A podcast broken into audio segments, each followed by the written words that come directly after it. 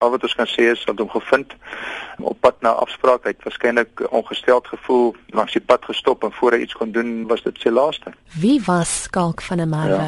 Ja, hy was uiters talentvolle uh, tennisspeler. Hy het uh, van Parel Gimnasium skool gewees vir graad 8 en 9 en graad 10, 11 en 12 was hy in Linden Hoërskool.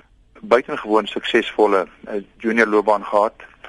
Hy het in kwartfinale van die Amerikaanse Ope onder 18 toernooi in 1978 bereik in die kwartfinale van Wimbledon uh, onder 18 toernooi in 1979 en hy die onoffisiële wêreldkampioenskap titel wat die beste onder 18 spelers gespeel het die, die sogenaamde Rolex Masters gewen in Januarie 1980.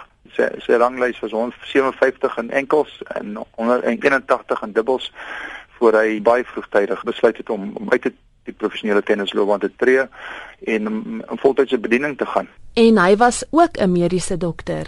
Hy was uh in Brackenfell en in Durbanville in praktyk gewees voordat hy begin het om werk te doen in Ierland terwyl hy hierso uh, diens gedoen het as algemene praktisyn. Watter mylpale het hy as tennisspeler behaal?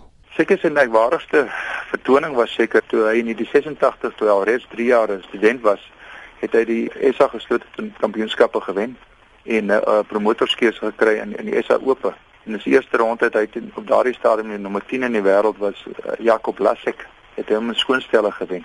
So uh, ek dink om om 3 jaar nie op die toer te gewees het nie en die nommer 10 in die wêreld te kan wen is is 'n uitsonderlike prestasie. Wys dit wys op sy uitsonderlike talent. Wat sal jy van hom onthou? Al die tyd wat ek hom geken het, het hy geweldig, is hy baie sensitiewe. Ek het nog nooit sien van optree nie, nooit verkeerde goed gedoen nie. Hy het net uh, baie omgee gehad vir teen vir sy familie, vir sy pasiënte, vir sy medespelers. Werklik 'n uh, uitsonderlike sportmansgees. Ek kan nie onthou dat daar een oomblik is wat ek dink seker is dit is hy se beheer verloor het of of, of verkeerd opgetree het nie. Sy nederigheid, ja.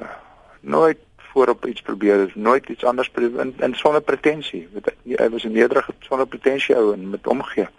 Dis waarskynlik hoekom hy 'n goeie dokter was.